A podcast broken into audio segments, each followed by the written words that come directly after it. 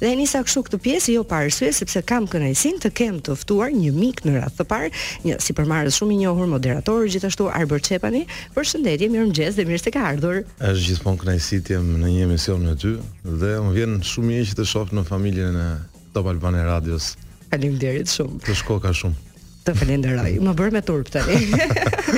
Mirë, mm, dua të kthehemi pak në kujtesë dhe të kujtojmë pak se si ishte Big Brotheri për ty. Ishte Big Brotheri i parë në atë periudhë, kanë kaluar shumë vite dhe si u gjende ti në Big Brother. Pavarësisht se kemi bërë vite më parë këtë bisedë uh, jashtë mikrofonit, por le ta kujtojmë në mikrofon. Ka kaluar normalisht një një jetë dhe bashkë me këtë jetën që ka kaluar ka ndryshuar shumë edhe kohët normalisht. Mm -hmm është komplet një situatë tjetër sot dhe ka qenë komplet një situatë tjetër në atë epokë. Ë uh, sot është një situatë që mbi të gjitha ndryshimi më i madh është që çdo gjë është rrotull rrjeteve sociale, dhe shumë realiteti duket sikur është brenda rrjeteve sociale mm. dhe realiteti real duket sikur është një gjë gati e pavlefshme jashtë saj. Duket sureale. Duket sureale, duket si një gjë që është dytësore dhe ky është një ndryshim më i madh kryesor që mund të themi me Big Brother-in e parë dhe shumë vite përpara gati 15 apo. Mm -hmm. Duket se u fut ke viti 16, 16. gati uh, para. Ëm uh, pjesëmarrja ime në atë në atë edicion ka qenë krejtësisht kazuale.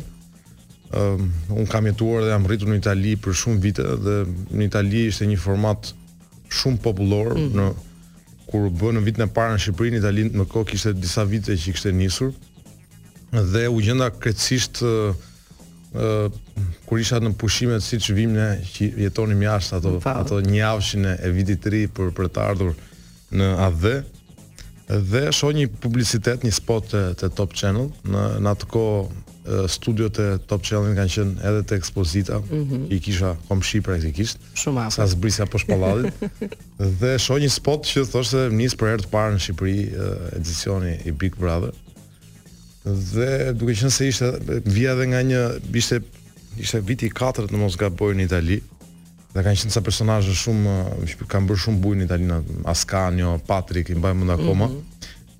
Dhe sapo kisha isha i freskët nga nga një shikushmëri e lartë nga Grande Fratello në Itali, dhe thashë pse jo ta provoj një ça ça humbas fundja. Mm -hmm. Dhe kryesorja që kam patur në mend nuk ka qenë as të merrja famë se nuk dija as për çfarë Më duheshe fama në atë periudhë, kam qenë 19 vjeç kur kur jam futë dhe nuk është se doja në një famë Shqipëri apo domethënë kisha shumë vite në Itali. Por ajo që kisha kryesore në mendin time ishte se si ë uh, unë gjithmonë eksperimentoja me veten, kur kam qenë edhe më i ri nga ç'jam tani, se po thosha kur kam qenë i ri. Uh, gjithmonë uh, eksperimentoja shumë me veten dhe doja të kuptoja se si do reagoja unë në situata të ndryshme.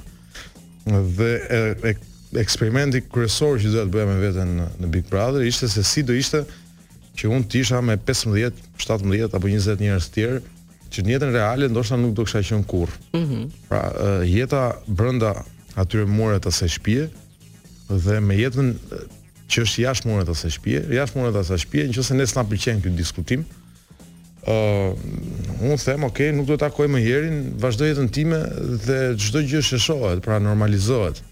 Sigurisht. Ndërsa nëse ne jemi aty bashkë, gjithmonë hipotetike, nëse po të ishim bashkë do të kishim shijuar deri ditën e fundit. ë uh, normalisht ti s'ke nga shkon dhe do do gjesh patjetër rrugë komunikimi, do të gjesh patjetër mënyra se si të hash, të pish, të flesh me atë robin. Dhe kjo është sfidë shumë e madhe komunikimi që gjithsecili mund ta ketë me veten. Dhe realisht mendoj që është një eksperiment fantastik për të sprovuar veten në aspektin psikologjik. Jo të gjithë mund ta përballojnë ashtu siç duhet, sepse duhet të jesh pak edhe mendoj i stërvitur, duhet të dish ça do, se po të shkosh vetëm se do të marrësh famë. Normalisht të gjithë këto goditje psikologjike që ti merr atje, i i përballon me me me shumë më më drama, besoj. Nuk i përballon dot. Ose s'i përballon dot fare dhe kurse kur ti ke shkuar dhe di mirë se ça do, di mirë se ça do të marrësh nga ajo eksperiencë, gjithçka kthehet më edhe më interesante. Se mua realisht më duket interesante si si eksperiment social psikologjik për veten aty brenda. Tani përpara se të pyes edhe çfarë elementesh do të ketë për ty një, po them, lojtar i fortë që të jetë aty brenda, mm, cili ka qenë momenti më i vështirë për ty që e mban mend edhe sot brenda shtëpisë së Big Brother? Ëm ehm, uh, unë në aspektin e lojës nuk është se kujtoj momente të vështira që them sepse ka ka, ka është një situatë shumë interesante aty brenda. Domethënë Nga fakti që edhe ata që e kanë menduar si si si patentë, sigurisht që i kanë testuar shumë detaje edhe në aspektin psikologjik për njerëzit.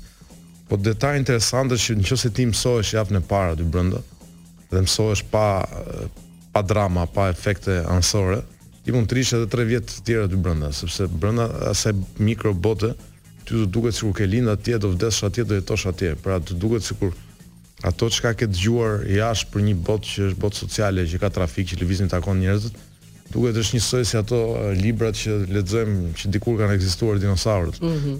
Dhe ti futesh komplet në atë uh, mikrobotën brenda atje dhe mund të jetosh për për shumë gjatë sepse mendon se ajo është nga ky efekti psikologjik që të krijohet. Por moment vështirë që kemi kaluar që nuk ka lidhje me këtë, ka qenë sigurisht shpërthimi i Gërdecit. ne ishim shumë pranë atje. Mhm. Dhe dhe ishte situatë tmerrësisht tragjike në shumë aspekte për ne, sepse as nuk e dinim se çfarë po ndodhte, se pra kur e merr vesh kur ndodh diçka, ndez lajmet dhe sido që të jetë kupton diçka, mm -hmm. merr vesh se çfarë po ndodh, ne s'e kishim as më të voglin haber se çfarë po ndodhte dhe kishim një milion skema në kokë se çfarë mund të ishte duke ndodhur ai shpërthimi i madh dhe çdo gjë është shkatërruar. Dhe ajo besoj ka qenë një situatë shumë shumë e vështirë për ne atje. Do ta vazhdojmë bisedën, por fillimisht kemi disa miq që po na presin. i ftojmë. Ebër, unë jam kureshtare të di, mm, ndryshoi diçka brenda teje para se të hyje dhe pasi dole nga Big Brotheri. Uh, mua më pëlqen të them që s'ndryshoi shumë gjëra brenda meje si person. Mhm. Mm por që ë uh pëson një lloj tronditje kur del nga nga një format si reality show i Big Brotherit Duke qenë se është një format që besoj se është formati që të pompon më shumë se çfarëdo lloj shfaqjeje tjetër televizive në aspektin e famës. Mm -hmm. Por është është si ato energy drinket që ti pi, japin një energji për një moment të caktuar dhe më pas kthehesh më keq nga ç'ishe aty ku ishe. Pra, kjo të bën që kam përshtypjen shumë personazhe që kanë hyrë brenda atij reality, mund t'i takosh edhe mbas 10 apo 15 vitesh, se këta që janë nga 10 e poshtë ta kesh e sigurt që e kanë 90% si sindrom. ë dhe kanë vazhduar, kanë mbetur në atë brenda mureve të asaj shtëpie. Pra vazhdojnë jetojnë me atë gjën, vazhdojnë me situatat që kanë ndodhur brenda asaj gjëje. dhe kjo të bën të kuptosh që të lë një lloj traume nga pas dhe është besoj arsyeja kjo famë e menjëhershme që ti merr nga asgjëja dhe nuk është vetëm rasti i Bigut normal kur hyjnë njerëz të panjohur dhe marrin mm -hmm. një famë të madhe është dhe rasti i Big Brother VIP është e njëjta gjë sepse hyjnë personazhe që uh, kanë një kanë një famë, njohin njerëzit, po. janë të njohur, por Asnjëherë nuk kanë këtë shikushmërinë kaq të lartë dhe nuk janë nuk i kanë të drejtuar të gjithë projektorët në atë lloj mënyre se siç ta jep mundësinë uh, Big Brother. Dhe uh, kjo e bën që kur të dalin që andej ato muajt e parë, ti praktikisht edhe nëse nuk do të ndihesh si një zot, njerëzit të bëjnë të besosh se ti je një zot. dhe ky është problem shumë i madh nëse ti nuk e menaxhon dot dhe nuk uh, punon shumë me veten. sepse në momentin e e parë që do ndodhë, sepse do ndodhë, që kjo famë e menjëhershme që ti ke marrë, ky pompim i jashtëzakonshëm që ti ke marrë, do vijë një moment po aq i shpejt që do shfryhet, sepse është lloji i formatit i tillë siç thashë. Dhe në momentin që shfryhet, ti do kthehesh prapë do kuptosh që nuk nuk ishe ai zoti që ti mendoje dhe do kthehesh prapë në atë realitetin. Prandaj është shumë e rëndësishme që gjithë ata që uh, kanë fatin të marrin këtë shtytje, kanë fatin të marrin këtë um, këndvështrim të të gjithë syve të Shqipërisë, ta shfrytëzojnë në mënyrën më të mirë të mundshme dhe ta shfrytëzojnë me këmbë në tokë. Megjithatë, jo se unë të kam përzemër, por ti je nga ata djem që sido që hyre dhe more famë nga Big Brother, je nga ata djem me këmbë në tokë dhe çdo gjë e bën me shumë dashuri dhe e shfrytëzon për mirë.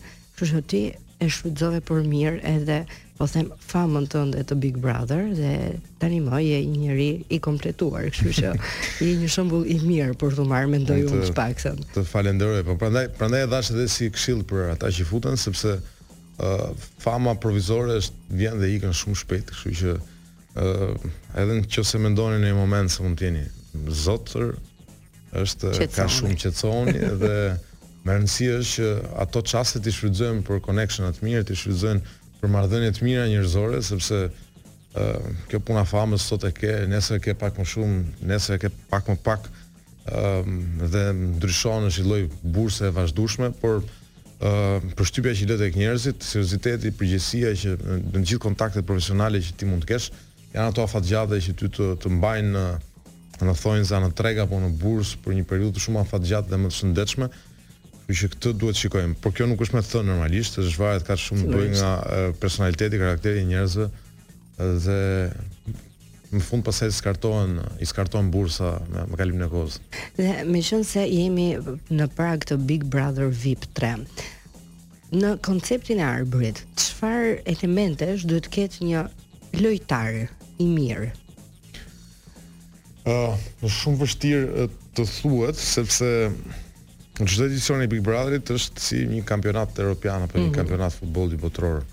Dhe si është një skuadër, nuk është një tjetër. Pra, ëh, gjithsecili nga ne që mund të ketë qenë dhe fitues, ëh, janë shumë kondita që bëhen bashkë.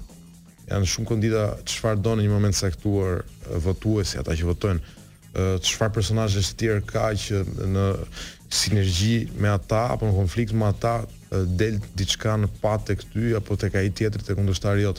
Pra janë shumë faktorë bashkë që bëhen bëjnë një ekuacion që dikush të jetë fitimtar apo dikush të dali mbi palët e tjera. Por, mendoj një gjë që unë e them shpesh, të gjithë ata që futen me strategji të caktuara, pra që janë të tjerë personë jashtë dhe mendojnë se kjo është strategjia e duhur që unë duhet të bëj, pra të luaj kështu, për mua janë ë janë gjëra të kota sepse ë ti në fund të ditës aty thashë është ai një afsh i parë. Ai një afsh i parë ti mundohesh shumë të të bësh atë që duhet, por mbas një afshi të parë, ose mësohesh dhe vazhdon ashtu siç je deri në ditën e fundit, mm -hmm. ose pastaj nuk mësohesh dot fare dhe kalon domethënë si as as ai që je jashtë, as ai që je brenda, je komplet në një bubble që s'di as vetë ku je. Pra, deri në ditën e fundit unë mendoj që ata që shkojnë deri në ditën e fundit dhe që i quajnë lojtar, Mua janë thjesht ashtu janë dhe jashtë, domethënë nuk është puna se bëhesh lojtar aty ngase ke studiuar për atë gjë dhe do ndjekësh Big Brother. Nëse ti je në një farë mënyre jashtë, atë gjë do do veprosh edhe aty brenda. Pra nëse ti je një njeri që analizon situatat fillimisht, studion lojtarët, studion pikat e tyre të forta, studion pikat e tyre të dobëta dhe këtë gjë e bën dhe normalitet profesionin tënd, punën e përditshme, të njëjtën gjë do bësh dhe atje. Prandaj kam përshtypjen unë që edhe produksioni, sepse ti e shikon me shumë personazhe që shfaqen në në Big Brother ditën e parë apo në klipin prezantues apo dhe duke i njoftur nga jashtë, s'ka nevojë të shohësh fare klipin prezantues, ti thua ky do bëj namin brenda. Mm. Është e sigurt që ky tani do i bëj çorap gjithë atje, do bëj mm. namin, ky është stratega, shumë shumë futen brenda dhe nuk ndodh asgjë. Jan shumë janë sikur të ishin, si mos ishin dhe ishte e njëjta situatë. Mm -hmm. Pra kjo tregon që nuk nuk kanë të bëjnë shumë atje dhe prandaj dhe kjo kam përshtypjen është dhe një faktor tjetër që ky lloj formati ka pëlqyeshmëri kaq të madhe sepse sado që ne të flasim nga pas të bëjmë lloj lloj strategjish, ne shikojmë personazhe publike që deri dje kemi parë me një sy dhe Kur ti je personazh publik edhe nëpërmjet Instagramit, televizionit, intervistave, ti mund të shfaqesh tërë jetën në një një personazh që nuk je. Ti mund të thuash gjëra të jashtëzakonshme për veten apo të tjerët për ty, por ndërkohë s'je fare ai dhe dhe formate si Big Brother, reality show si Big Brother, ty praktikisht të zhveshin nga çdo nga çdo gjë që ti mund të kesh krijuar edhe artificialisht nga çka ke qenë përpara. Dhe kjo është pika e fortë e shikueshmërisë të lartë, sepse ti ato personazhe që i shikon me një vello kështu sikur kanë qenë afër Zotit, sepse ashtu e kanë shfaqur veten me këtë jetë të magjishme pa asnjë lloj problemi dhe çdo gjë të të të, të lirë, i shikon aty dhe i shikon komplet në një një formë tjetër. Do të vazhdojmë se të ka gjithmonë uh, diskutime kur vjen Big Brotheri, uh, miqësitë që krijohen a janë të vërteta uh, historitë e dashurisë, por do ta bëjmë këtë bisedë pas pak. Yes. Dua të di pak në lidhje me miqësitë që krijohen brenda shtëpisë së Big Brotherit. Ka gjithmonë diskutime a janë të vërteta, a jo, a zgjasin përtej shtëpisë. Mm, duke qenë se e ke një përvojë nga Big Brotheri. Funksionojnë miqësitë, a janë të vërteta? Uh, ky është një mit tjetër se duke qenë se shikohet çdo gjë, uh, se është bërë e famshme një frazë, dhe është bërë film fraza në kuadër të lojës dhe duket sikur çdo gjë aty është fake, është e pa. Ëh, mhm. uh, ndërkohë që unë mendoj që çdo gjë aty shtohet, pra emocioni për çdo gjë që ti përjeton aty brenda është herë 10. Ëm uh, dhe fakti që thashë përpara që ti je brenda 4 mureve të shtëpisë me një person që do jetosh çdo gjë me atë person. Domethënë, ti mund të jesh i lidhur me dikë në jetën e jashtme, mund ta kesh grua në jetën e jashtme dhe prap ë nuk i bashkon dot bash 6 muaj që të rrish 24 orë me atë njeriu, mm. se jo punët personale që secili ka, karriera çdo gjë. Ë ti aty brenda periudha aq e gjatë dhe intensive që ti përjeton me dikë, e shton herë 10 çfarëdo lloj emocioni pozitiv ose negativ. Dhe në rastin kur ti gjen një mik që mund të jetë mik shumë i mirë aty brenda dhe ti e ndjen që ke një afërsi shumë të madhe aty brenda, ë uh, gjasat janë që realisht të jetë e vërtetë ajo gjë, sidomos në rastin e miqësisë. Mm -hmm. Dhe në rastin e unë kam unë kam një mikeshë për shembull Julin që kam që para 16 vitesh dhe akoma sot e kam kam pjesë të familjes tashmë, nuk është thjesht mikeshë. Që ky është një një fakt që tregon që realisht gjëra që mund sidomos miqësi që mund të lidhen aty brenda vazhdojnë për shumë gjatë. Ë uh, në sa i përket kur dashurohesh me dikë, ë uh, prap, duke qenë se ty të shtohen emocionet herë 10, ë uh, me personazhet që ti gjendesh aty brenda dhe thashë aty është gjithë bota jote. Praktikisht të duket sikur Ke lind aty do siç thash, po, po jeton aty do të vdesësh aty. Pra personazhet që janë aty brenda, bashkëvuajtësit e tjerë, ti i shikon në në këndvështrimin sikur të ishe në një botë, ishte shuar bota dhe ne jemi trashëgimtarë të kësaj bote. Pra dhe ë kur ti shef një pëlqyeshmëri apo ndjen një pëlqyeshmëri për dikë, ajo të shtohet nga dita në ditë Dhe ti krijon ndoshta në atë rast po mund të krijosh një imazh artificial të, të dashurisë që mund të kesh për atë personin.